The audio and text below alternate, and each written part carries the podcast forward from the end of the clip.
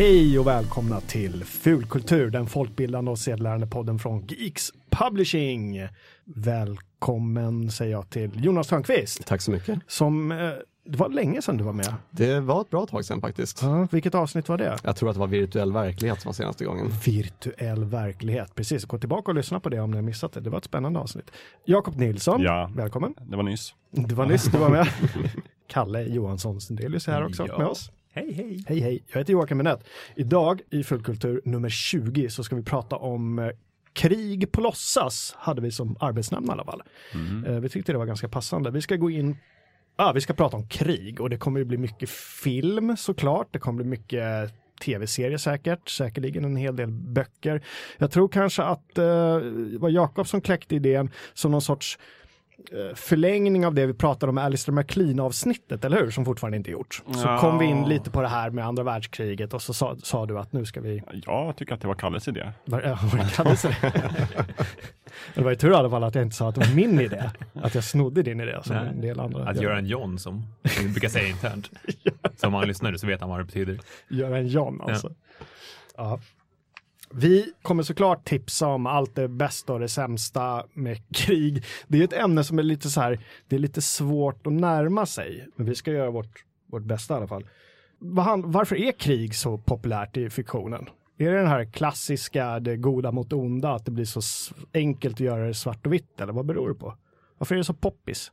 Det känns som att du besvarar frågan ganska ordentligt redan i, i, eh, i din egen fråga. Tackar, ska vi, ja, Ja, vi, vi håller där då. Ja, vi håller det. Nej, men det är väl just det att eh, det är, det är så tydligt. Nej, men speciellt, vi har varit väldigt mycket inne på andra världskriget här idag och kommer säkert prata mer om det. Men eh, där är det ju väldigt, alltså, det, finns, det fanns en ond sida och det fanns en god sida. De allierade var goda och nazisterna var de dumma. Åtminstone så är det så att vinnarna i de olika krigen, eh, som, som ju blir de som skriver historien, Mm. eh, har väldigt lätt att staka ut att vi var de goda och de andra var de onda. Absolut. Sen kanske inte alltid är så hundraprocentigt i verkliga livet. Nej. Andra världskriget är svårt att så här säga att det var tvärtom. Fast man kan säga att eh, Sovjet var på de allierades sida och de var, Stalin tävlar ju med Hitler om att döda antalet människor. Mm. Så, alltså att det, det är klart att det finns dimensioner i det, men Mm. Ja, och oskyldiga dog ju på alla sidor. Och hela den här, eh, det är kanske lite krångligt också att säga att alla tyskar var onda monster. Nej, Nej Det- speciellt det senare mot kriget när de liksom började införliva alla andra liksom, som de har ockuperat för att sluta upp i leden och, och kriga för någonting som de inte ens trodde på. Men- Men jag tror också så här, alltså all form av fiktion handlar ju någonstans om att skapa ett drama. Liksom att då måste det stå någonting på spel och det gör det ju väldigt mycket i krig. Det är ju liksom från att hela nationers överlevnad står på spel till individer och det är mycket känslor och ångest och, och kamp och sådär. Det blir ju bra fiktion av det. Eller dålig, men det blir fiktion i alla fall. Sen är ju krig ett återkommande fenomen i mänskligheten också. Det har ju alltid funnits där och även om vi inte vill säga det så kommer det väl troligtvis alltid att finnas där på ett eller annat sätt. Vad, vad beror det på? Ligger det i vårt DNA att slå ihjäl varandra? Ja, lite grann så känns som. Precis som att det alltid kommer finnas romantiska komedier för kärlek kommer ju alltid att finnas. Ja, förhoppningsvis. Men jag tycker just det, alltså det finns ju väldigt enkla eh, skildringar av krig där det mest handlar om att skjuta, men det finns ju också mera kanske seriösa verk som ställer sig de här frågorna. Typ, kommer vi alltid behöva kriga? Varför krigar vi? Hur jobbigt är det med krig? Mm. Alla sådana grejer finns ju i film och böcker och, och tv-serier och spel också. Och jag antar att vi kommer beröra ganska många av de här verken idag. Eh, när vi pratar om det här först så eh, snackar vi om att koncentrera oss på andra världskriget. Men då var det någon som sa att nej, vi kan väl bredda oss lite och prata om lite andra, för vi har ju våra, våra olika favoritkrig. Om, om man får uttrycka sig så, det måste man få göra. Absolut. Och den Ja. någon var ju du, för du ville prata om eh, var det amerikanska inbördeskriget eller var det? Ja. Ja, just det, precis. Ja, precis. Jag, jag ville få in det på ett hörn där. Eftersom världens bästa krigsfilm är, handlar om amerikansk Ja, inbördeskrig. just det. Jag kommer in på det lite senare. Men du Jonas, du hade någon teori också om att eh, varannat krig är ett roligt krig, eller vad var det du sa? Jag hoppas att jag skulle behöva slippa Nej, du säga ska det här du måste förklara offentligt. Eh, ja, precis. Jag, jag jämförde det med operativsystem för datorer Mm. där varannan version installerar man och är bra. Och krig är ju inte bra någonsin, men det blir ju så att första världskriget var ju ett väldigt hemskt krig. Mm. Eh, Det finns skildringar av det också i populärkulturen, men det är ju försvinnande lite mot andra världskriget som det finns hur mycket som helst i. Precis som att nästa stora krig, Koreakriget, finns väldigt få skildringar av det. Medan Vietnam är storslaget eh, inom film och böcker och Mm. så vidare. Och det går inte riktigt då, det handlar inte heller om hur många som dör. Nej, absolut utan inte. det är något annat. Det är någonting annat. Jag kan inte riktigt sätta fingret på det heller. Men en faktor måste väl ändå vara hur USA känner inför kriget. Ja, det måste Alltså, det ju verkligen vara. Eftersom att så mycket av, av film och spel och tv kommer från USA. Så de har ju väldigt mycket att göra upp med just kring Vietnamkriget. Ja, Det är precis. deras stora grej. Och andra världskriget var deras Exakt. finaste ögonblick. Deras inträde i första världskriget var ju väldigt sent. Ja, liksom, ja, precis. Ja, Det är ju. USA som har skrivit bilden, uh, USAs underhållningsindustri som har skrivit bilden av andra världskriget. Mm, ganska mycket så. Ja, precis. Sen får man ju se under andra världskriget var det också väldigt populärt med propagandafilmer under krigets gång. Mm. Och det var ju inte alls på samma sätt under första världskriget eftersom filmen var ju lite av sin linda då. Och svårt att, att släppa ut sådana där stora... Lite större, större utmaningar. Ja, ja, när det gäller andra världskriget så kom det ju till och med filmer under själva kriget. Ja, när det pågick så var det, då var ju filmindustrin väldigt Det stor. fanns ju hur många stora flygfilmer som helst under andra världskriget som var en propagandamaskin Mm. utan dess like. Ja, du berättade min farfar hur de gick och såg, eh, när han inte låg inkallad på Gotland, Ja. världskriget, hur de gick och såg journalfilmer. Eh, kallades det det då? Jag vet inte om man kallade det för journal, eller är det en efter? Det låter som en efterkonstruktion. Ja, men Ja, de lite grann gick ju och såg de här films, de här rapporterna från kriget Mm. på bio. Mm. Liksom. Direkt, det första, ja, Vietnamkriget kallas väl för det första direktsända kriget. Gör Det kanske det gör. Jag har hört att Gulfkriget var det första direktsända. Ja, direktsända, Vietnam okej. var det första liksom, tv-sända, men att de, Okej. jag tror inte de sände Mm, direkt. Men jag vet inte. Gulfkriget är det första live action. Ja, Gulfkriget var ju det man kunde följa på CNN liksom och verkligen Mm. följa hela. Och, och idag har det exploderat så du kan följa krig i realtid via Twitter och i Mm. nästan realtid via YouTube. Mm. Soldater med GoPro-kameror. Ja, det har ju blivit- till och med blivit så i konflikten nu att regeringar som inte tycker om konflikten stänger ju ner Twitter och Mm. Facebook och alla sådana möjligheter för befolkningen att visa upp vad som faktiskt sker. Vilka är de bästa genrerna då för, för att uh, gestalta krig? Jakob, det var du som formulerade den här, den här pratan. Ja. Du vill prata lite om krig finns ju som komedi och drama och spionfilm och spel. Och, Ja, och, precis. Jag vet, vad menade jag med det? Ja vet- vad menar du med det? ja. Det, är väl, har väl, det är väl en koppling till det här du sa, att det kanske är lite kontroversiellt ibland just. Mm. Men det är väl precis som med våld i fiktion och i böcker och film och sådär. Att kritiker menar att folk som gillar våldsamma filmer måste vara våldsamma. Mm. Och det är ju kanske en lite mer komplex sanning bakom det. Mm. Att det finns ju som sagt mycket, jag tror att det är ett sätt att hantera krig också. Det är någonting som berör oss allihopa och det finns bra och djupa och intressanta skildringar av krig. Mm. Tv och datorspel får ju ofta kritik för, för att liksom kapitalisera på krig, på Mm. lidande och död. Ett argument som i och för sig är ganska, ganska enkelt att, att snacka bort, men det ligger ju ändå det ligger ett korn av sanning där i på något sätt. Alltså det är ju en, det är en ganska cynisk business att, att göra liksom under, underhållning och Ja, spel. speciellt när ja, är interaktiv underhållning där du själv deltar i den eventuella massakern. Och det är väl det som folk tycker är känsligt, just att det är du som har fingret på den så kallade avtryckaren, vilket du inte har när du sitter och kollar passivt på en film eller läser en bok om exakt samma sak. Så det där, Nej, och jag kan ju hålla med. Alltså, I vissa stunder så har man ju faktiskt tänkt efter när man håller i avtryckaren om är det här verkligen någonting jag vill göra? Eh, Call of Duty var ju ett sånt spel. Mm. När man till exempel gick in som terrorist på en flygplats och liksom eh, dödade oskyldiga. Och där var det liksom, ja men det, det ställde verkligen eh, en moraliskt mot väggen. Så här, är det här någonting jag vill delta i eller vill jag bara hoppa över det? Vilket är lite intressant för Call of Duty, en, en, en jätte storsäljande, bästsäljande eh, krigsserie. Eh, det första spelet, i den serien, det allra första Call of Duty, fick ju snarare beröm för att det försökte skildra krig som något hemskt. Mm. Så det där, den där serien har på något sätt accelererat bort från det där. Ja, Det var ju efter hela den här, efter eh, Saving Private Ryan, när den filmen kom, då skulle Mm. ju spelbolagen försöka liksom få in de känslorna i spelen och både Electronic Arts, Medal of Honor och serie gjorde ett bra försök i Allied Assault, Mm. första Call of Duty då till exempel när eh, med Stalingrad Mm, och sen har vi ju Ja. Normandie där i, i Honor Ja. och som gjordes väldigt starka scener. Ja, absolut. Och saker man kan återvända till idag. Och, men nu har det snarare kulminerat i att nu försöker de pressa ut så mycket känslor i krig så att det senare har ju fått väldigt mycket kritik för det att man, man står på en begravning, det är en amerikansk begravning med, med flaggor hela, kill, hela grejen. Och det man då ska göra för att avsluta den här scenen det är att då gå fram och trycka på en knapp för att pay tribute. Och det blir nästan snarare skrattretande snarare för att det, det är så pass löjligt. Ja, det blir ju USA-centriskt, men till och med amerikanerna tyckte att det var löjligt. Mm. Det blir, blir liksom för mycket. Uh, Medan vi ändå är inne på spel, det finns ett till spel som kom, jag tror det var 2005, som också försökte spinna vidare på det där, men som gjorde en lite mer realistisk tolkning. Uh, det heter Brothers in Arms, som var ett Mm. lite mer strategiskt Mm. eh, FPS. Just det. eh, där man fick ta sig igenom, jag tror första spelet det var också Normandie någonstans. Mm. De också försöker få in de här känslorna, att man, man lär känna soldaterna i en skåd och att det faktiskt berör en lite grann när någon av dem får en kula i sig. Ja, för då försvann de ju från spelet. Precis. Mm. Finns det något som inte går att gestalta i en krigskontext? Vad, vad kan man inte göra? Jag tycker egentligen inte det. För att jag tror, det, det, jag, tänk, det jag slås av också är hur många härliga komedier det finns med liksom krig som, som bakgrund. Eh, vad heter den? Allå, allå, Emily Armén till exempel. Som Mm. kanske inte är kvalitet på det sättet. Men det är ändå Tycker du inte? som jag har kära minnen från. från min Ah, nej. och det blir ju så löjligt. Men vi har, eh, vad heter den? Inglourious Bastards till Mm. exempel. Som ju är otroligt rolig. Otroligt Mm. blodig Och, samtidigt. och samtidigt så får våldet en, en väldigt tyngd i det. Det tycker inte jag i alla fall när jag såg den. Mm. Att det, han är ju duktig på det Tarantino, att Mm. man bryr sig om karaktärerna på något sätt fastän det är så otroligt överdrivet våld och jätteblodigt.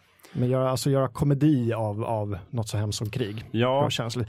Eh, Det fanns ju en, en jättebra tv-serie som heter Svarte Orm, Blackadder. Och den fjärde installationen där uh, försökte skildra första världskriget. Ja, det. fick rätt mycket ja, kritik precis. när jag Mm. läst eh, i början. Men sen så vann ju den britternas och, och eh, svenskarnas hjärtan Mm. också. Och eh, jag minns att slutscenen i den när Blackadder och Baldrick och de andra eh, ska då göra storma tyskarna efter att ha Just det. legat då i skyttegravarna och, och skämtat i x antal avsnitt.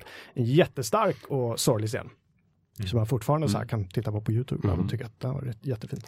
Men den fick mycket kritik, men sen så vände det där. ja visst. Och, Svart orm. och vi har en av mina favoritfilmer också, Dr. Strangelove. Mm. Eller- Mm, just det. Hur jag slutade ängslas och lärde mig älska bomben. Som, heter, som ju är en otroligt mörk komedi och jätte, jätterolig Mm. om kärnvapen. Och som berömd slutscen där när, eh, när de, han rider, i stor, alltså fysiskt rider Ja. på bomben. Ja men precis. Må- Måste man använda någon viss sorts respekt när man ska, när man ska skildra krig och lidande i, i underhållning och fulkultur? Vad, vad, vad måste man tänka på som skapare? Du var inne, du, du kanske inte tyckte det, Jakob?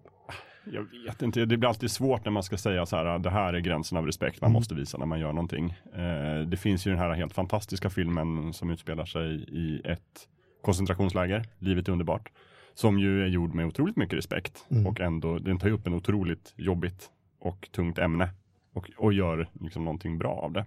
Eh, jag, jag kan inte säga att det finns en gräns som sagt, utan Nej. man får väl se. Man kan ju konstatera kanske individuellt vad man känner, så här, oj det här var ju inte lämpligt. Jonas och Kalle, har ni några exempel på där den här gränsen har överskridits med Roger, där det inte blir, det här är inte okej längre? Fakt, in, på rak arm, nej. Det skulle jag nog inte säga. Jag har inte kommit till den filmen än i alla fall. Sen det existerar, det kan jag tänka mig att det gör. Nej, nej, inte så. Ja, det är väl samma här. Du var inne på Mm. Call of Duty där lite grann.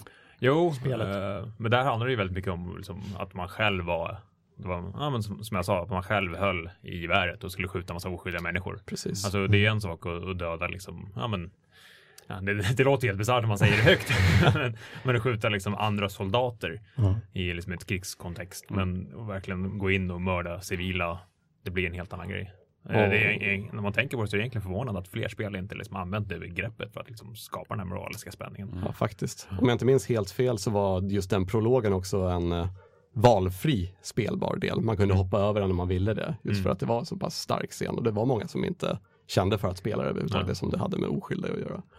Eh, en annan faktor är väl också just att menar, ingen av oss var med i kriget. Eh, ingen av oss har liksom släktingar kanske som var med i koncentrationsläger. Det är alltid svårt att säga v- vem tar anstöt. Det har ju Mm. också att göra med vem, vem är liksom träffad. Jag har, känner mig väldigt sällan träffad. Så, så att det, det, det är den faktorn också man får Mm. ta hänsyn till. Där är en intressant aspekt också. De, de, det lever ju fortfarande människor som var med under andra världskriget, men det är inte långt kvar nu alltså. Nej, Nej, jag tänkte på det nu när vi, vi kommer säkert prata mer om det sen, men Band of Brothers byggde ju väldigt mycket på att det var intervjuer med, med soldaterna som var med som, som de här karaktärerna baserades på. Men det var ju 15 år sedan och många av de här har ju faktiskt trillat upp in nu. Det, det har gått väldigt många år. Mm. Men då tänker jag att det är så himla viktigt att, att det finns, just som Band of Brother är ett jättebra exempel, att det är verkligen de riktiga personerna som sitter och berättar och Mm. det blir en fiktiv gestaltning av det. Eh, Det är väl en av de som förmedlar liksom hur kriget var på ett väldigt bra sätt Mm. för mig Berätta. som inte var med. Berätta lite om Band of Brothers. Det kanske finns några, några som inte har sett den, Eh, den serien. Det var väl efter när Steven Spielberg och Tom Hanks gjorde Rädda menige Ryan Mm. så tänkte de att ah, vi gör mera krig och sen så gjorde de den här tv-serien eh, Band of Brothers med tio avsnitt tror Ja, jag precis, på H- avsnitt, HBO miniserie som ju följer ett kompani eh, fallskärmssoldater i ja, den europeiska delen av kriget då. Amerikanska soldater. Från träningslägret till och med va? Ja, precis. Och sen fram till slutet av kriget. Mm. Har ju hyllats nästan av alla tror jag. Unisont. Ja, Mm. och det är jätte, jättebra. Jag hävdar fortfarande att det är världens bästa tv-serie. Mm. Det, det känns ju som att det var startskottet för hela liksom, ja, men serieboomen som vi fortfarande rider på. Att det här, liksom, wow, man kan göra välproducerad och snygg tv. Mm. Som inte, ja, som inte det, är, ingen biofilm, utan det här, det här sänds på tv. Precis. Just det här miniserieformatet också. Ganska långa avsnitt, ganska korta, en kort säsong och sen är det slut. Mm. I bästa fall. Ja, jag var tvungen att kolla på ett avsnitt igår faktiskt, just för att värma upp inför Ja. den här inspelningen. Uh, favoritavsnittet är ju det sjunde som heter The Breaking Point. Mm. eh, som är andra delen av Ardenner-offensiven, eller Battle of the Bulge som amerikanerna kallar det. Mm. När de ligger liksom ner, nergrävda i, i kylan och liksom bara får utstå bombardemang efter bombardemang. Eh, Väldigt gråa avsnitt rakt igenom, eller Ja, hur? Om jag Mm. sjukt minns. gråa. Gråblått ljus. Ja, och folk dör till höger och vänster och det är verkligen bara, ja, det är bara hemskt allting. Mm. Och man ser, det är inte bara folk som sprängs eh, och dör utan folk som bara bryter ihop och går sönder inombords för att de, de pallar inte mer. Liksom. Mm. Vansinnigt starkt. Det kom ju en uppföljare till den serien också, eller hur? Som eh, tar oss med till den Stilla havet ja, ja. till Stilla havet. Ja, The Pacific. Amerikanerna slåss mot The Pacific. Ja, precis. Den höll inte alls samma nivå, tycker jag.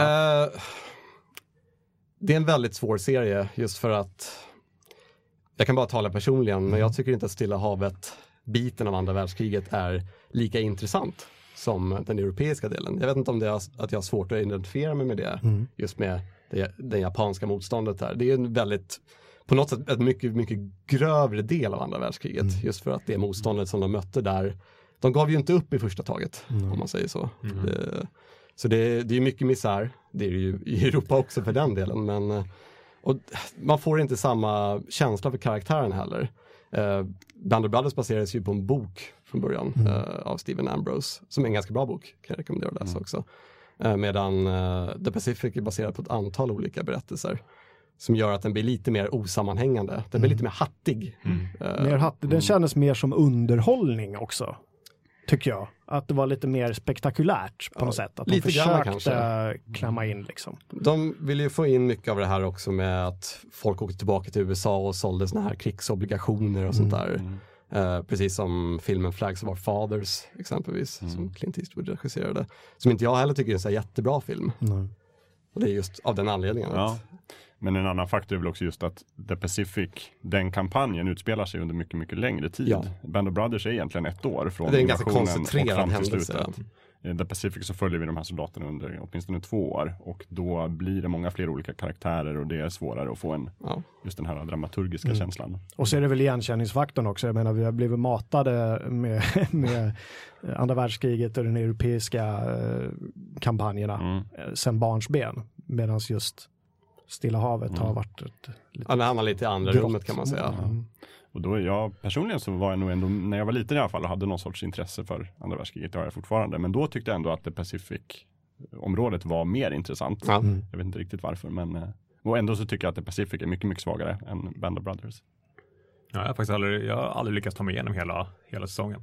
Jag har börjat flera gånger, men jag, någonstans mitt i så jag, jag slutar bry mig om karaktärerna. Det- Ja men det är lite så. Jag har sett den en gång. Band of Brothers kanske jag har sett 20 gånger. Mm. eller Ja. sånt där. Så det, Du nämnde ju Flags of Our Fathers Ja. också, som jag inte heller tycker är så bra. Men däremot gjorde han ju samtidigt en annan film som heter Letters from Ja, Iwo Jima. precis. Eh, och den är ju avsevärt starkare tycker Ja. jag. Den tycker jag är riktigt bra. Ja, verkligen. Ja, Den det- följer ju kriget från, från en japansk precis. Och det är inte så vanligt att man får följa den delen. Nej, och, precis. Så det, Och, och den hela, egentligen hela den filmen handlar om just det här slaget kring ön Iwo Jima. precis. Där jag för mig att mindre än en procent av japanska försvararna överlevde. Så det är ju Ja, de- verkligen slåss till sista man. Exakt. Eh, och det är ju en väldigt stark skildring av, av den Verkligen. konflikten. Mm. Nästan helt och hållet på japanska.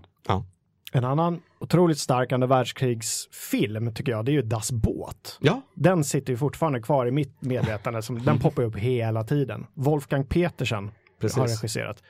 Eh, jag vet inte om den, för, den gjordes den som tv-serie först och sen blev den lång, riktigt lång film eller var det tvärtom att de tog filmen och styckade upp den som tv-serie. För Jag kommer ihåg att SVT sände den i flera avsnitt. Någon som minns? Det var antingen det ena eller det andra. Ja, ja, Jag kommer faktiskt inte heller ihåg om filmen kom först eller om det är någon form av nedklippt version av den här Mm. tv-serien.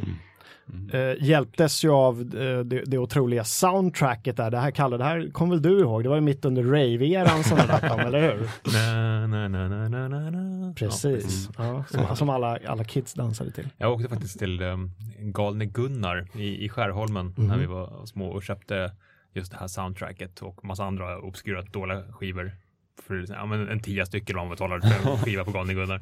Men just det, det var väl liksom en- den, ja, den köpte alla i bekantskapskretsen för den skulle man ha. För det var liksom Den bästa. den bästa. Ja. Das Båt, för de som inte vet det, skildrar ju en, en tysk ubåtsbesättning under, mitt under brinnande krig när de ger sig ut i Atlanten, tror jag det. Mm. Och de vedermödor som de får utstå. Mm. Och Jörgen Procknov är med också. Spelar. Mhm. Jag tror han är kapten kanske på båten. Han, han, som, han ser alltid väldigt väderbiten ut. Ja, precis. Das Båt är en jättebra skildring också av just eh, livet på en ubåt under andra världskriget. Det känns väldigt klaustrofobiskt. Eh, till skillnad från U571 som kom lite senare som skildrar en, en amerikansk ubåt som ska plocka upp, det är den här Enigma-maskinen som ska plocka upp om jag inte minns fel. Eh, och det var ju inte amerikanerna som plockade upp den Just i det. verkligheten utan det var ju britterna. så det blev lite konstigt Ja, där. Det, det finns ju inte tillstymmelse till glättighet. Det är Nej. så otroligt smutsigt och man kan nästan känna liksom fislukten där nere i de här, i de här trånga, liksom, eh, vad, vad, kallar man de här delarna en ubåt för? Är det någon som vet det? Trånga olika Eh, compartments. Ja, vad heter det? Det heter skott. Skotten, ja. Mm. Men de blå. U571 har faktiskt ett företräde och det är ju Thomas Kretschmann som är med. Han är, han är en, tror jag, den tyska skådespelare som har spelat tysk soldat eller nazistofficer i flest filmer. Jag ser honom framför mig. Ja, Det var inte han som var med i Inglourious Basterds också, för där har vi också Nej, en snubbe som inte, alltid spelar han var nazist. med i liksom så här, från liksom seriösa Stalingrad, ryska filmer från 2013 till Avengers. Mm. Så där han spelar den här, ja det är väl i och för sig Hydra-officer, men de är ju lite nazistiska. och så är han med i Undergången och Pianisten och ja, Valkyria med Ja, just. eh, Tom Cruise. Alla de här. Men där har vi också en film som verkligen inte försöker försköna någonting, Stalingrad. Mm.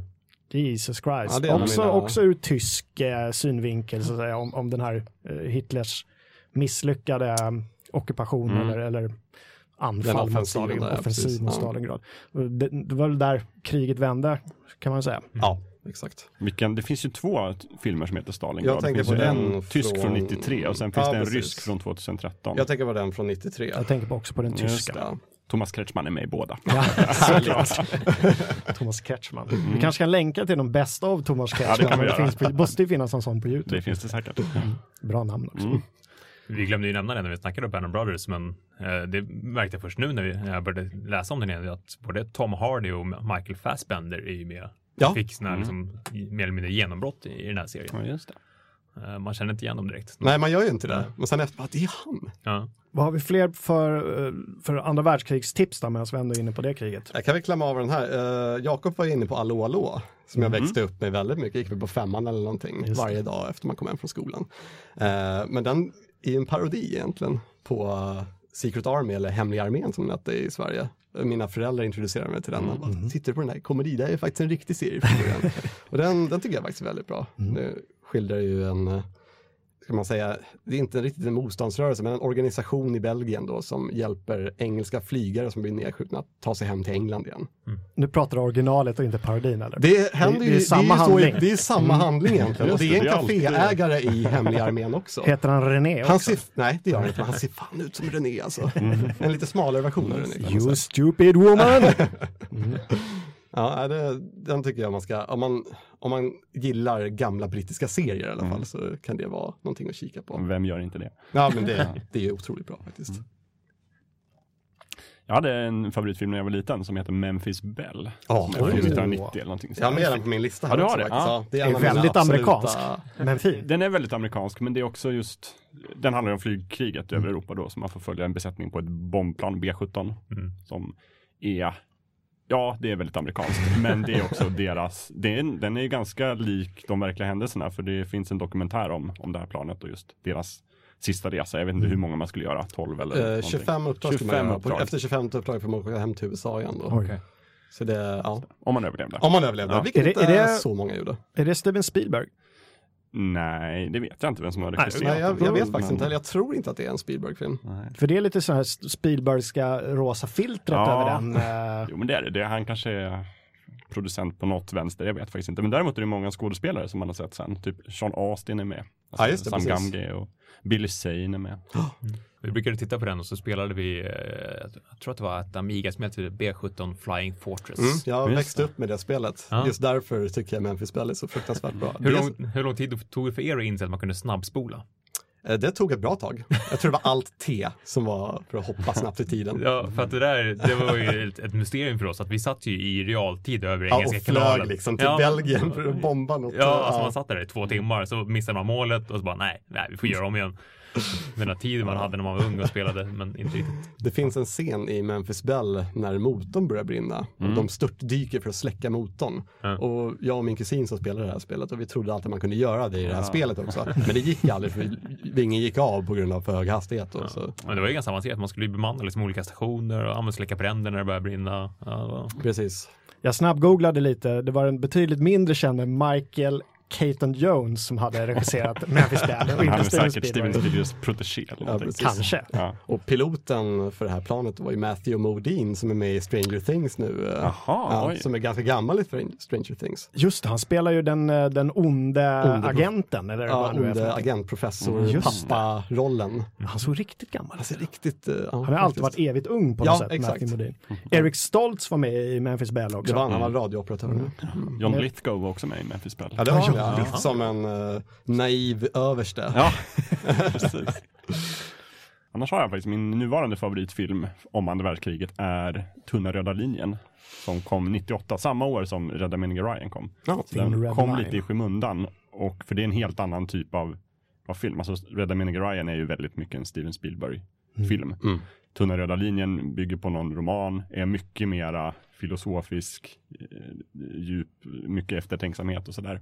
Och mycket våld också naturligtvis. Är det också i, eh, i Asien? eller Ja, är det- precis. Det är ja. Stilla havet igen. Och det är en jättestor lista med, jag vet inte vilka är med, John Cusack är med och Woody Harrelson är med, Nick Nolte är med. Mhm. Det är liksom Ja, det. massor av, av kända skådespelare.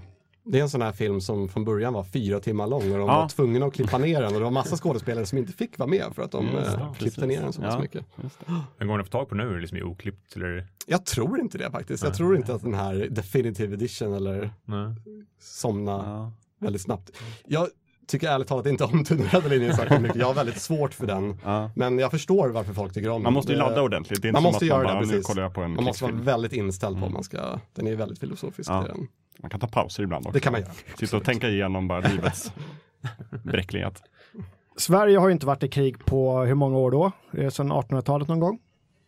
Är det inte Något sånt. 1809 års krig kanske? Mm, så kan det vara. Sista, Ja, jag det vet inte. Så det finns ju inte, det finns ju inte så många svenska ja, krigsskildringar överhuvudtaget, men framförallt inte andra världskrigsskildringar. Men några finns det väl. Vi pratade, pratade lite om repmånad, jag vet inte om det är andra världskriget, men det är krig i alla fall. Men en, en som faktiskt utspelar sig under brinnande krig, det är ju någonstans i Sverige med Janne Loffe Karlsson, en, en serie som Oda gjorde den där låten också, någonstans i Sverige. Mm. Eller Jag har ett svagt soldat minne av det här. Ligger de uppe mot finska gränsen i den här? Eller är Ja, det mot norska, gränsen, tror ja. jag det är. Och det är där egentligen det enda action som händer är att det kommer över några norska flyktingar Ah, som de ska rädda. Det var vä- väldigt så här odramatiskt och det handlar ju egentligen mest om tristessen Mm. som, eh, som de kände när de låg där. Men Janne Loffe Karlsson är väl egentligen stockholmare och sen så blir han eh, skickad upp dit till norra Sverige. Ja. Så det handlar mycket om att han känner sig ensam för att han är i Norrland. Ja. Ja, Han blir hemkallad på permission där något avsnitt. Han Ja. sitter på någon pilsnerpang där med sin fru eller sin flickvän någonting och beklagar sig. Ja, den är säkert bra, men jag har ju väldigt svårt att ta Janne Roffe Karlsson seriöst. Mm. det, man tänker ju mera på hur han är i repmånad eller Ja. Den, den bästa svenska krigsfilm som har gjorts. Repmånad, ja, precis. Mm. Ja, den är ju faktiskt väldigt bra. Det om andra världskriget kanske. Hörrni, om, om vi drar våra favoriter, vi har i och för sig dragit några favoriter redan, Band of Brothers, Saving Private Ryan och sådär. Men då kanske vi kommer in på lite andra spännande krig. Ska Eh, vi, ska vi ta en runda? Jag kan eller? dra en som Ja. är en liten parallell till det här att vara på ställe och inte göra så mycket. Mm. Eh, som är ett betydligt eh, nyare krig, om man ska säga. En film som heter Jarhead med Jake Gyllenhaal i huvudrollen som utspelar sig under Gulfkriget på 90-talet. Mm. Eh, och större delen av filmen utspelar sig då under Desert Shield, vilket är operationen innan Desert Storm. Det är alltså, Desert Shield var när amerikanerna flög till Saudiarabien för att försvara dem mot Iraks offensiv då över hela Gulfen. Eh, och där sitter då de här amerikanska soldaterna, unga och trigger happy som de är och gör ingenting. Ingenting, ingenting. Och bara hela filmen liksom går ut på att, Mm. ja, Ja, tristessen där är Ja, ganska precis. Tristessen liksom. Det enda alla vill göra, vill göra är att döda någon. Mm. Och det är bara så absurt hela grejen. Mm. Och folk blir tokiga och ja. Och så slutar det med att Desert Storm sätter igång då. Och att typ ingen får skjuta någon. ungefär. Jag tycker det är en jättebra skildring Mm. av, eh, av den amerikanska delen i det här där de ska till Mellanöstern. Och, för det är oftast ganska unga personer som Mm. ja, har lite skeva bilder av saker och ting. Ordet Jarhead, har det någonting med deras hjälmar att göra för mig, eller? Ja, precis. Mm. De kallades för Jarheads. Jarheads. Ja. Jag har en favorit som är svår att ta sig igenom och vi kommer byta århundraden nu och allting. Vi är inne på, inne på Napoleonkrigen.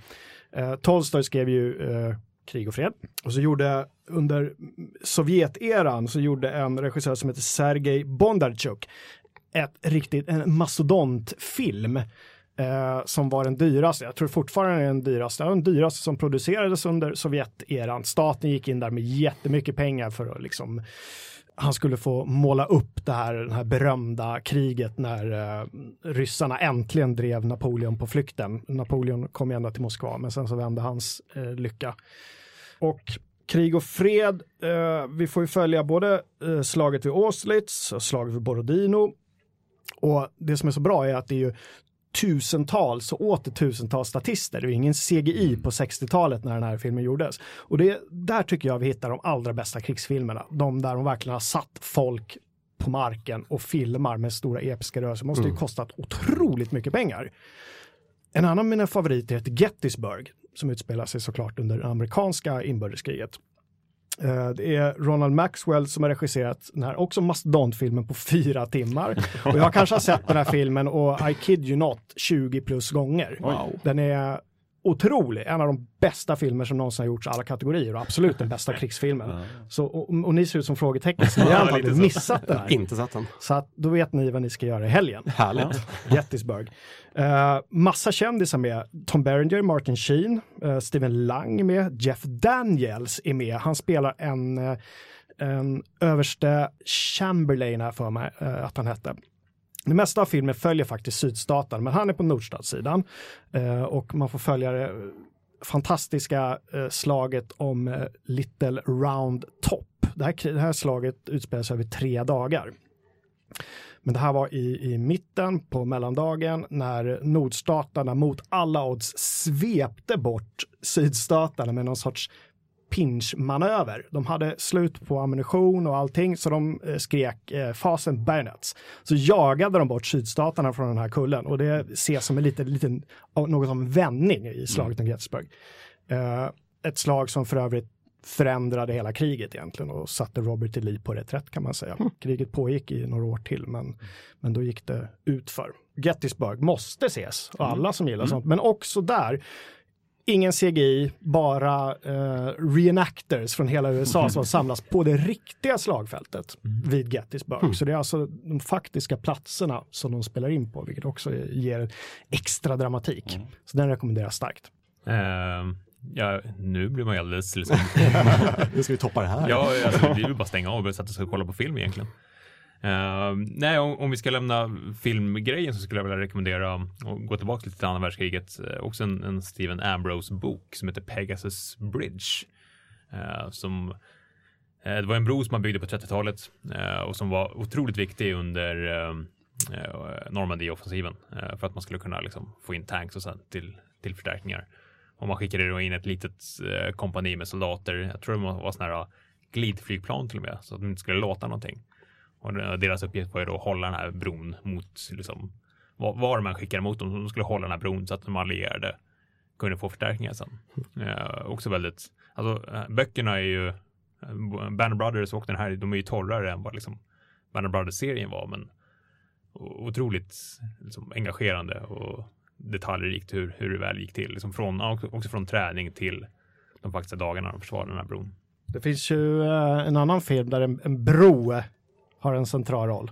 Vilken, vilken pratar jag om då? Bron över floden Kwai. Precis. den måste väl ändå listas som en av de bästa krigsfilmerna. Alla Trots gånger. att den, mm. i, i stort sett hela filmen utspelas i ett japanskt fångläger, är det Kinesiskt? Är det japaner?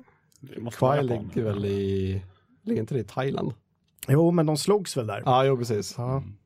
Ja, det var japanskt var det inte det? Ja, det måste vara japanskt. Ja. Men, och bra musik också. Ja, väldigt bra. Alec Guinness är i hög form. Just det. Ja.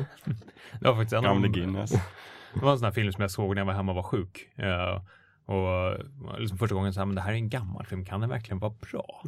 Och så, så här, ja men vad, jag kommer inte ihåg hur gammal jag var, men jag 14 kanske. Och så här, bara inser att men, den här filmen är jättegammal, men den är också jätte, jättebra. Mm. Och man fick liksom upp en helt ny liksom, eh, insyn på, eller uh, syn på hur gamla filmer kunde vara om, eh, om, om bron som byggdes av, eh, byggdes av de här krigsfångarna. Mm. Uh, slutar inte med att de lyckas, lyckas spränga den här bron. Vi spoilar väl ingenting om vi säger det. Men de så, så, saboterar bron som de själva, eller de blir tvingade att sabotera bron som de själva har byggt, de här krigsfångarna. Ja. Och de blir väldigt, väldigt ledsna över det, har jag för mig. Mm. Jag tror det var en sån här grej som de, de hade verkligen byggt en bro så skulle, fick de spränga den och då, de hade en chans att ta den tagningen. Mm. Så hade det blivit fel så hade det blivit fel. ja, det hade varit lite jobbigt faktiskt. Bron över floden kvar. eh, på tal om gamla andra världskriget-filmer. Eh, Örnästet Oj. måste vi ju nästan nämna. Ja. Det är en riktigt härlig rulle faktiskt. Clint Eastwood. Mm. Och eh, flera andra väldigt trevliga skådespelare med i den filmen. Mm. Där de ska då inta det här örnästet som ligger högst upp på ett berg och rädda en general där uppe. Örnästet var väl ett av Hitlers eh, tillhåll, mm. om man får använda det ordet. Mm. Mm. Jag har nog aldrig sett filmen, kommer jag på nu. Nej. Jag tror jag blandar ihop den med Kanonerna på Navarone, ja. som jag har sett. Men... Jag, jag kan varmt rekommendera den här filmen. Ja. Den, är faktiskt, den är riktigt, riktigt bra. Jag har sett den för många gånger, för att den gick på TCM när jag växte upp varannan dag. när, jag åkte, när jag åkte till Bad Gerstein för att, att åka skidor och dricka öl någon gång när jag var 17-18 så åkte vi förbi den platsen och spelade in den filmen. Ja, okay. Det var inte då det riktiga Örnästet, men det var något slott där i Österrike. Ja. Örnäst, riktiga Örnästet såg lite mer modernt ut har jag för mig. Det var inte som Ja, det är inte riktigt borg, liksom. tänkt att det ska vara så liksom. Nej. Det är det inte. På tal om filmer, är det någon som har sett Der Untergang? Uh, mm. Efter att alla har gjort liksom, parodier på just den här Nej, scenen. jag har faktiskt inte gjort det efter det. Det är jätte, det jättesvårt att ta den Nej. på allvar nu. Uh, jag visste att, att den var ganska bra när man väl såg det, men mm. efter att alla har gjort liksom, egna texttolkningar av vad som sägs i det här rummet så det, det funkar inte. Undergången som följer Hitler i hans bunker de sista skälvande dagarna. Ja, precis. Bru Bruno Gans spelar Hitler och fick ja. liksom hur mycket beröm som helst och nu är han känd för liksom internet-memes. Exakt. Tråkigt, men kul. Stackars Bruno Gans. Mm. Jag kan spinna vidare på um, amerikanska inbördeskriget. Det mm. finns en annan film som heter Glory med Matthew Broderick. Mm. Också en, en, en, människa som ser nästan alltid evigt ung ja, faktiskt. Han uh, spelar en nordstatsofficer som fanns på riktigt och som ledde det första helt eh, afrikanamerikanska kompaniet, eller vad ska jag säga, som blev väldigt kända under det kriget och ledde till att, att många mer svarta anslöt sig till Nordstatsarmén för att slåss. Eh, Glory, eh, fantastisk film, väldigt mm. sorglig också. När, när är den ifrån? Filmen. En gammal eller en ny? 90 någonting Jaha. kanske. 1989 är den Jaha, se där. Ja. Ja. Ja. Jag gillar ju filmer som, som på ett bra sätt illustrerar det här med krigets absurditet och sådär som Dr. Strangelove. Eh, Det finns en annan som heter Underground som är från 95 och är regisserad av Emir Kusturica som är han som har gjort eh, Svart katt, vit katt och Zigenarnas tid och sådär. Han har gjort en film som heter Underground. Eh, den tar avstamp i andra världskriget. Eh, jag tror det är Belgrad eller någonting så är det. handlar om en en fifflare som har en underjordisk vapenfabrik som under, under marken. Och så har han sina arbetare där och sen så, han berättar inte för dem att kriget har tagit slut sen. Så att han bara fortsätter att liksom mata vapen för det blir alltid nya krig hela tiden så att han kan alltid göra profit. Så. Eh, och den är ju helt bisarr liksom. Jättekonstig film och jätterolig om man har den humorn. Eh, fantastisk musik. Ja, en riktig Emir Kusturica-film. En annan film som eh, tar fasta på det absurda i krig, det är Full Metal Jacket som vi pratade lite om eh, innan den här s- sändningen. Stanley Kubrick, Vietnamkriget har jag Yes. för mig att det är. Och den, eh, nästan halva, halva filmen, eller mer av halva filmen utspelar sig på träningsläger. Ja, den är uppdelad de i två delar kan man säga. Ja. Eh, Sergeant Gomer Pyle är ju en, är en karaktär som har stannat på min näthinna. Inte, inte minst för att han spelar skurk i Daredevil, som vi det. pratade om i Just. Marvel-avsnittet. Just det. Han gör en lika bra eh, rolltolkning här av en, en soldat som helt, helt tappar det och ser det mera, jag tror han begår självmord inne på toaletten. Mm. Kommer inte ens iväg till kriget. I am in a world of shit. Ja. Ja, just det. Och ännu en gång Matthew Modine var i huvudrollen. Han är med där också, ja, just det. Precis. I den där så finns det en scen där de går igenom någon sönderbombad stad och sjunger den här Disney eh, värvningslåten. Ja. Precis, klubb, klubbsången. Mm. Otroligt absurd scen. Det, finns, det känns ju som att alla amerikanska stora regissörer måste göra en Vietnamfilm. Mm. Som, som att annars får de inte göra fler filmer. Ja, det, det där är ju Stanley Kubricks då, den är väl en av de bättre. Ja, precis. Jag gillar ju Apocalypse Now också som är Mm. Ja, Francis väl Ford min Coppolas. eh, favorit där. Eh, Oliver Stone gjorde Plutonen. Ja, gillar inte det är inte mycket. riktigt min favorit där, alltså det är det inte. Eh, på Vietnamspåret så har jag en liten, som kanske inte alla har sett, som jag vet har gått under radarn för många i alla fall, som heter Rescue Dawn från 2006 med eh, Christian Bale i huvudrollen. Mhm. Eh, det handlar om en eh, krigsflygare som kraschar i Laos 1965, så i början av krig kan man säga. Eh, som handlade om ett fångläger i Laos som drivs av den kommunistiska regeringen Mm. i, i Laos med samarbete av Vietkong. Jag tycker det är en väldigt bra skildring och det är också based on a true story, hör och häpna. Det är Werner Herzog som har gjort den. Och han gjorde, in, på 90-talet gjorde han en dokumentär om den här personen och sen så valde han att göra en spelfilm om den 2006. Och jag tycker också det är en bra eh, signum för Christian Bale som gjorde The Machinist 2004 när han var jättesmal. Gick, gjorde han Batman Begins och sen gjorde han den här efter han är jättesmal igen, så jojo-bantningen. Ja. Ja, det är ganska extrem den mannen Ja. på många sätt och vis. Jag rusar tillbaka igen till Napoleonkrigen eh, och Stanley Kubrick som gjorde eh, en film som jag tror att du gillar, va, Ja. Jakob? Barry Lyndon, är eller hur?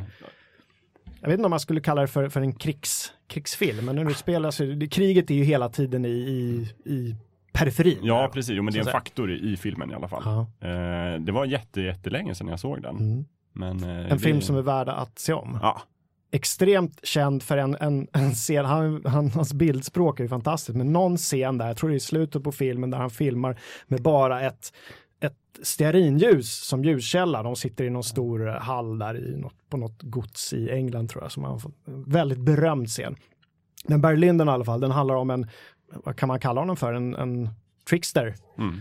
som, som reser så att säga, Europa, Europa runt och hamnar i olika förvecklingar och träffar kända personer Mm. och eh, spjurar sig. ja just det. Säga. Ja. Mm, allt för kärleken, Mm. lite grann. Lyndon. Ja, den är bra alltså. Mm. Bra musik också. Herregud vilken bra musik. Det är sådana här soundtrack som man kan sätta på och sätta på balkongen och bara njuta av. Kul. Nu har vi pratat om tre olika Stanley Kubrick-filmer i tre olika krig. Härligt. Ja. Stanley Kubrick. Jag kommer inte ihåg om- om det var du Jocke som tipsade mig om Kurt Vonnegut's Slaughterhouse 5. Slakthus 5. Ja. Slakthus 5. Mm. Jag tror att det var du som gjorde det. Boken. Boken ja. Mm. Finns det en uh, filmatisering också? Ja, det finns det. Jaha. Som jag där, så minns inte riktigt hur den var. Minns du det Jakob? Nej, jag har inte sett den nämligen. Nej, så att Då jag kan kan du inte minnas minnas det. Jonas? Inte 5? sett och inte läst. Nej, men berätta om boken, Kalle. Ja, det handlar ju om, eh, om Bill Pilgrim, uh, huvudkaraktären, och uh, den är väl lite smått biografisk. Han upplevde ju de här sakerna själv, Kurt Vonnegut. Och det, det kretsar ju kring uh, bombningen av Dresden där mm. man, väl 135 000 personer som, dog under de bombningarna. Terrorbombningarna. Ja, och 90 procent av staden bara mm. totalförstördes. Mm. Uh, och han sitter i, som fånge där uh, i, och överlever för att de håller fångarna liksom under jord i, i, ett, i ett slakthus. Men den, den är ganska liksom, absurd på det viset att den, den går inte linjärt uh, och mitt i allting så blir han också bortrövad av aliens och hamnar i ett intergalaktiskt zoo tillsammans med en annan bortrövad eh, Donna, en filmstjärna från eh, Hollywood tror jag. Och de här eh, utomjordingarna förväntas att de ska para sig och liksom få fram avkomma. Eh, det blir väldigt skruvat allting. Men eh, det är också väldigt många sköna, konstiga karaktärer som, som Billy Pilgrim som möter under den här resan. Och den, är, den är klart sevärd, även om den är lite absurd i vissa mm. stunder. När folk frågar mig vilken som är min favoritbok, då brukar jag säga Slakthus 5. Mm. Det är så? Ja, för ja. Det, det, är det nog. Den är väldigt, väldigt bra. Ja, missar jag någonting? Nej, men just det, jag minns att när jag läste den första gången så slogs jag av, jag hade aldrig upplevt det förut, just det här icke-kronologiska berättandet. Mm. Att han hoppar i tiden och plötsligt så är han i andra världskriget, sen är han i rymden och sen så är han mm. på 60-talet. Mm. Att det ändå hänger ihop på något sätt. Fantastiskt. märklig side-note på just där. Um, jag började följa honom på Twitter kort vanligt, bara för att inse sen att han, att han är död 2007. Men det är någon som sitter och fortsätter och lägger upp liksom hans ja. anekdoter på det här kontot som att det vore liksom live. Ja. Det är jättemärkligt allting. Förlaget liksom fortsätter och... Ja, jag, jag, vet inte vem det är. Och det står liksom, jag har försökt liksom rota lite i, på, på, internet om vad det här är. Men ja, han är garanterat död i alla fall. Mm. Men hans Twitterkonto lever. Det är väldigt ambitiöst. Det är många följare eller? Ja, jag tror den har 19 000 följare. Jaha, se där. Mm. Det är kanske det vi ska göra, plocka upp gamla döda. Ja, precis, och skjuta en massa quotes. Gubbars. Ja, precis. Det kanske är som med hårdrocksstjärnor, att de blir större liksom, när de har dött. Så. precis. Jag började ju lyssna på en podd, eh, Jakob, efter du hade tipsat om den. Mm. Dan Carlins Hardcore History. Ja. Eller hur? Ja, visst. Vi pratar den om är ju hardcore också. Mm. Han är en jättebra berättare. Jag har inte kommit förbi första avsnittet än, men, men jag ska göra det. De är väldigt långa. Ja. Eh, första världskriget hoppade jag in på. Han är fantastiskt, han börjar med mm. skotten i Sarajevo och allting som, som det förde med sig. Men det mm. kan vi tipsa för alla historieintresserade. Mm. Dan Carlin. Bra tips. Han hade flera poddar, jag försökte hitta, men jag hittade liksom aldrig riktigt till den just serien. Nej, det är så rörigt också för att han går igenom, han, alltså det är en och samma podd, men han gör nedslag i olika liksom, historiska ja. delar. Okay. Så att den här uh, första världskrigspodden är, vad är det, sex avsnitt eller någonting. Mm, allt som allt. Och de går att få gratis, men sen finns det andra uh, delar som inte går att få gratis. Okay. Jag vet. Jag, jag får mig att han hade en helt annan podd också som inte hette Hardcore History. Mm. Jag minns inte vad den heter. Kanske hade något med politik att göra. Han är, är han gammal journalist ja, och författare precis. va? Ja, gammal och gammal. Han är väl vuxen. ja, jag vet inte. Vuxen. Han är som mm. vi. Ja. Alltså, okay. Han låter, han låter, han låter äldre. Han kan inte vara äldre, yngre än vad jag är. Jodå. Han låter jättegammal. Han har en sån här farbror berättarröst. Ja.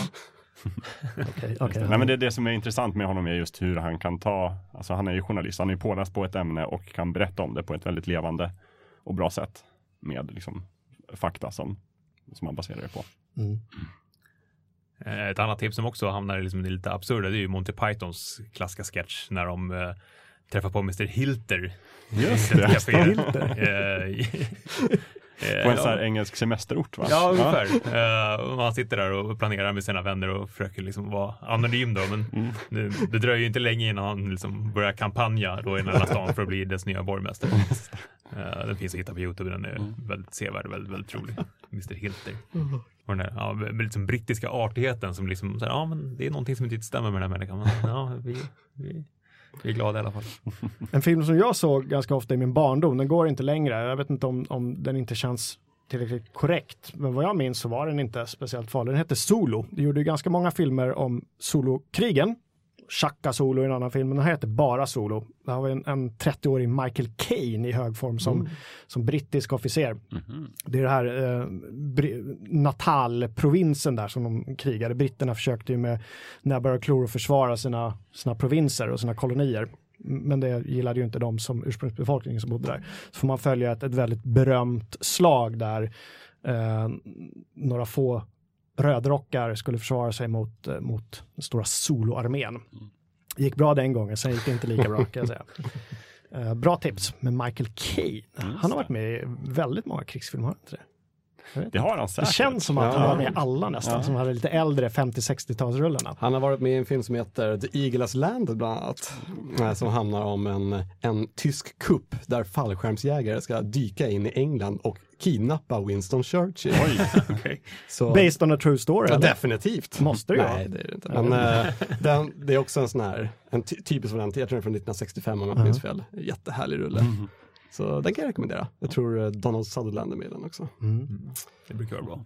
Precis. Ja, jag, nu, förlåt att jag tar över lite här, men när jag tänker på, på. Donald Sutherland så, så kommer jag att tänka på Kellys hjältar, Ja. Kellys. Heroes, eh, som är också en riktigt, riktigt härlig rulle med Clint Eastwood i huvudrollen. Där de drar ihop ett, ett gäng soldater som ska, eh, ska man säga, de ska stjäla en, en naziskatt som de har hittat.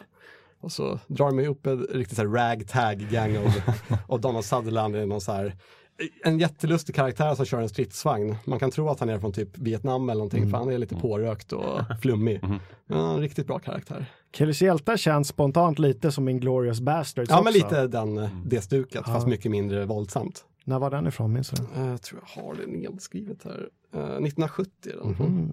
Då tycker jag vi ska nämna tv-serien MASH också, för det har vi inte gjort. Det tycker jag också, definitivt. kommer folk klaga på om vi inte säger. Eh, Jag skrev också ner eh, spelfilmen MASH som säkert många har Ah. missat. eh, Som jag tycker är mycket, mycket starkare än eh, komediserien. Mm. Eh, Filmen är också en komedi, men en betydligt mer allvarlig då än vad serien är. Man slipper det här skrattspåret. Med eh, Donald Sutherland i huvud. Åh, det, är, det är samma skådisar som återkommer hela tiden, har du Man märkt kan bli typecastad som Ja, precis. Ja. Och han som spelar Radar i serien spelar även Radar just i det, filmen. precis. Men det är nog en, en av de få som är med i båda. Precis. Och MASH utspelar sig under Koreakriget. Precis. Ja. En av få filmer och tv-serier som... Men däremot är det ju en lite öppen hemlighet att, att den egentligen handlar om Vietnamkriget. Han, de har väl sagt det, han som gjorde den. Men det var så kontroversiellt då när den kom så att han fick placera den i Koreakriget istället. Men, Det är väldigt, väldigt mycket högt och lågt i MASH. Eh, Ett, oh ja. av, ett avsnitt kan vara det sämsta man någonsin har sett. exakt. eh, mm. Men var det filmen eller serien där de fick censurera introlåten? När de sjunger någonting Suicide is painless. Det var säkert tv-serien, för Ja. att de behövde inte göra det i filmen. Nej, men så att introlåten var För det lär ju vara lite kontroversiellt där med Ja. självmord och sådär. Sa du det att den följer ett, ett, ett militärsjukhus? Det sa vi inte faktiskt. Det är det som är lite Ja, ja. twisten Det- där, att man får följa livet på Ja, ett precis. militärsjukhus. Ja. Amerikanskt sådant då.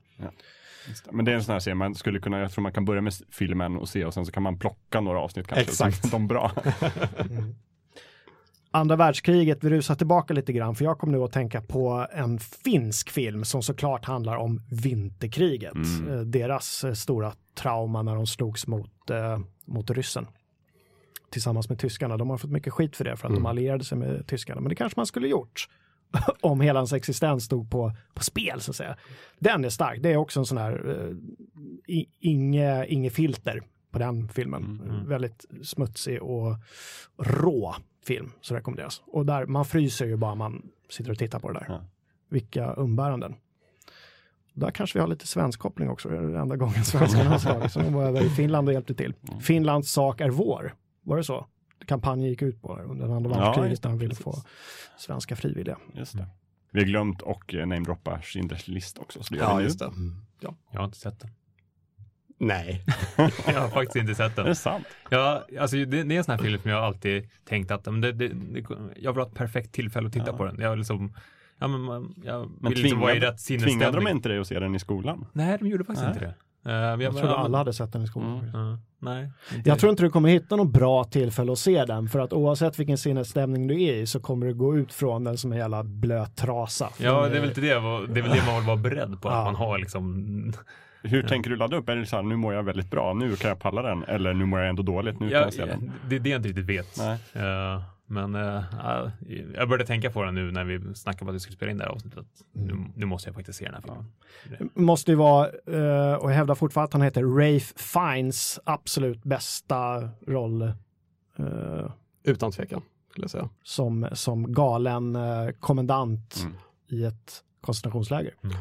Han sitter på sin balkong med sitt mausergevär eller vad det är han har och Ja.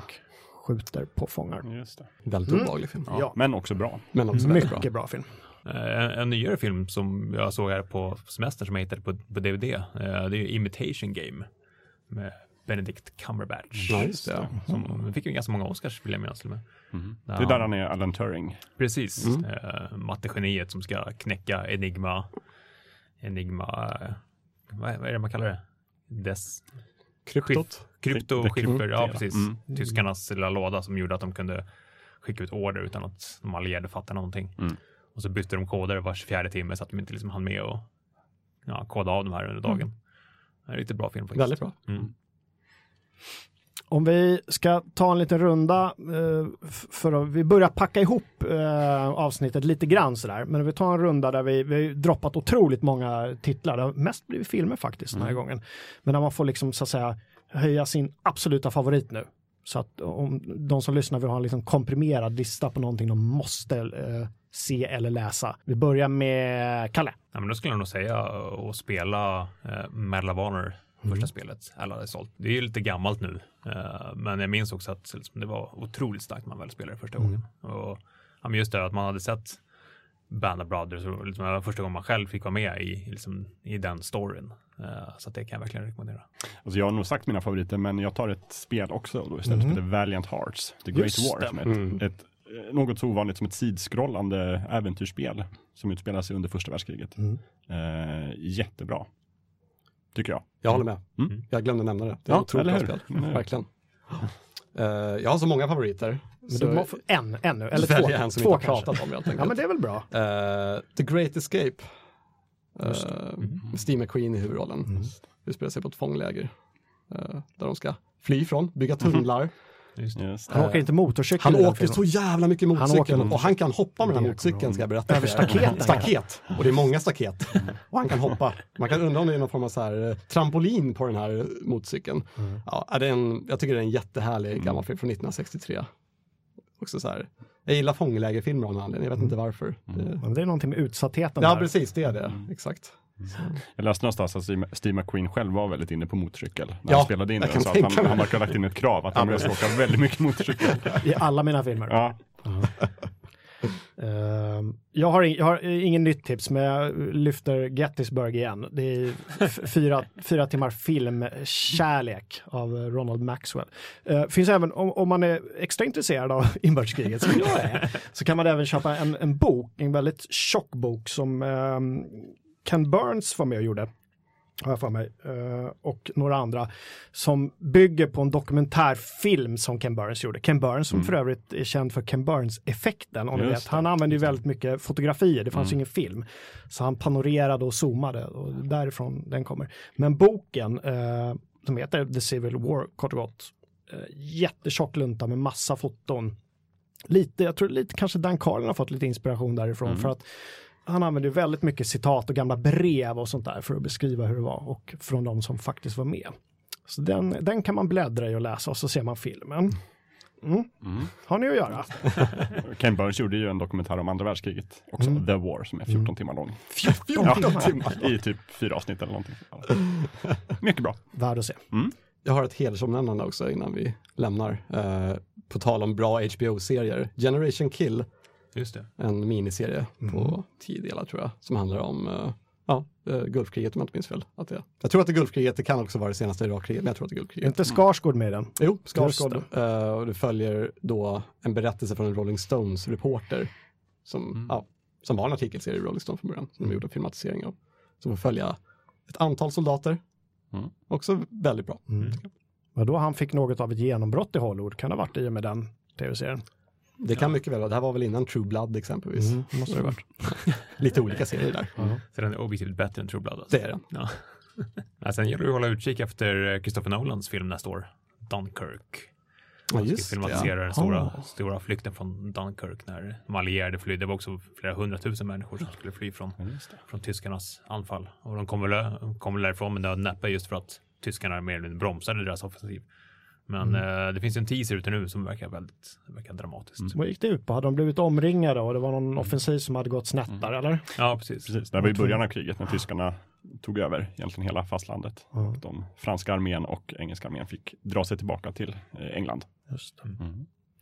Den sista mohikanen.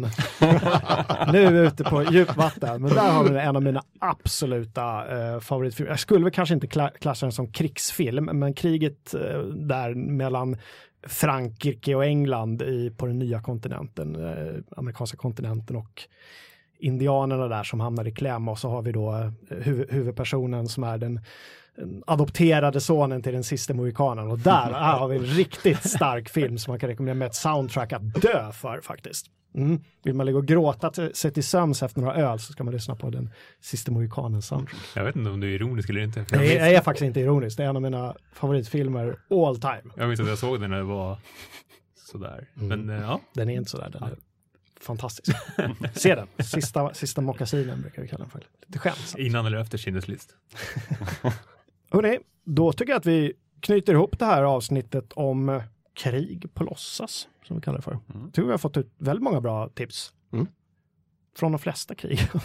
Nej, kanske inte de flesta krig. Nästa avsnitt om två veckor så kanske vi har lite mer positiv mm. utgångspunkt. Vi vet inte riktigt vad vi ska prata om än. Nej. Men missa heller inte vårt Alistair McLean-avsnitt som kommer någon gång. vi nämnde ju lite snabbt här Kanonerna på Navarone och, och andra filmer. Ja. Storfilmer. Vi håller där då. Tack för att ni har lyssnat. Tack. Hej, tack, tack. hej. Our guns have stopped. You don't think... Maybe the war's over. Maybe it's peace. Oh, hurrah! The big knobs have got round the table and yanked the iron out of the fire. Thank God. We lived through it. The Great War, 1914 to 1917. Hip, hip, hooray! I'm afraid not. The guns have stopped because we're about to attack. Not even our generals are mad enough to shell their own men. They think it's far more sporting to let the Germans do it. So we are, in fact, going over. This is, as they say, it. I'm afraid so. Unless I can think of something very quickly. Company! One pace forward. Oh, there's a nasty splinter on that ladder, sir. A bloke could hurt himself on that. Stand ready. I have a plan, sir. Really, Bulrick? A cunning and subtle one? Yes, sir. As cunning as a fox who's just been appointed Professor of Cunning at Oxford University? Yes, sir. On the signal, company will advance. Well, I'm afraid it'll have to wait. Whatever it was, I'm sure it was better than my plan to get out of this by pretending to be mad. I mean, who would have noticed another madman around here? Good luck, everyone. Yeah!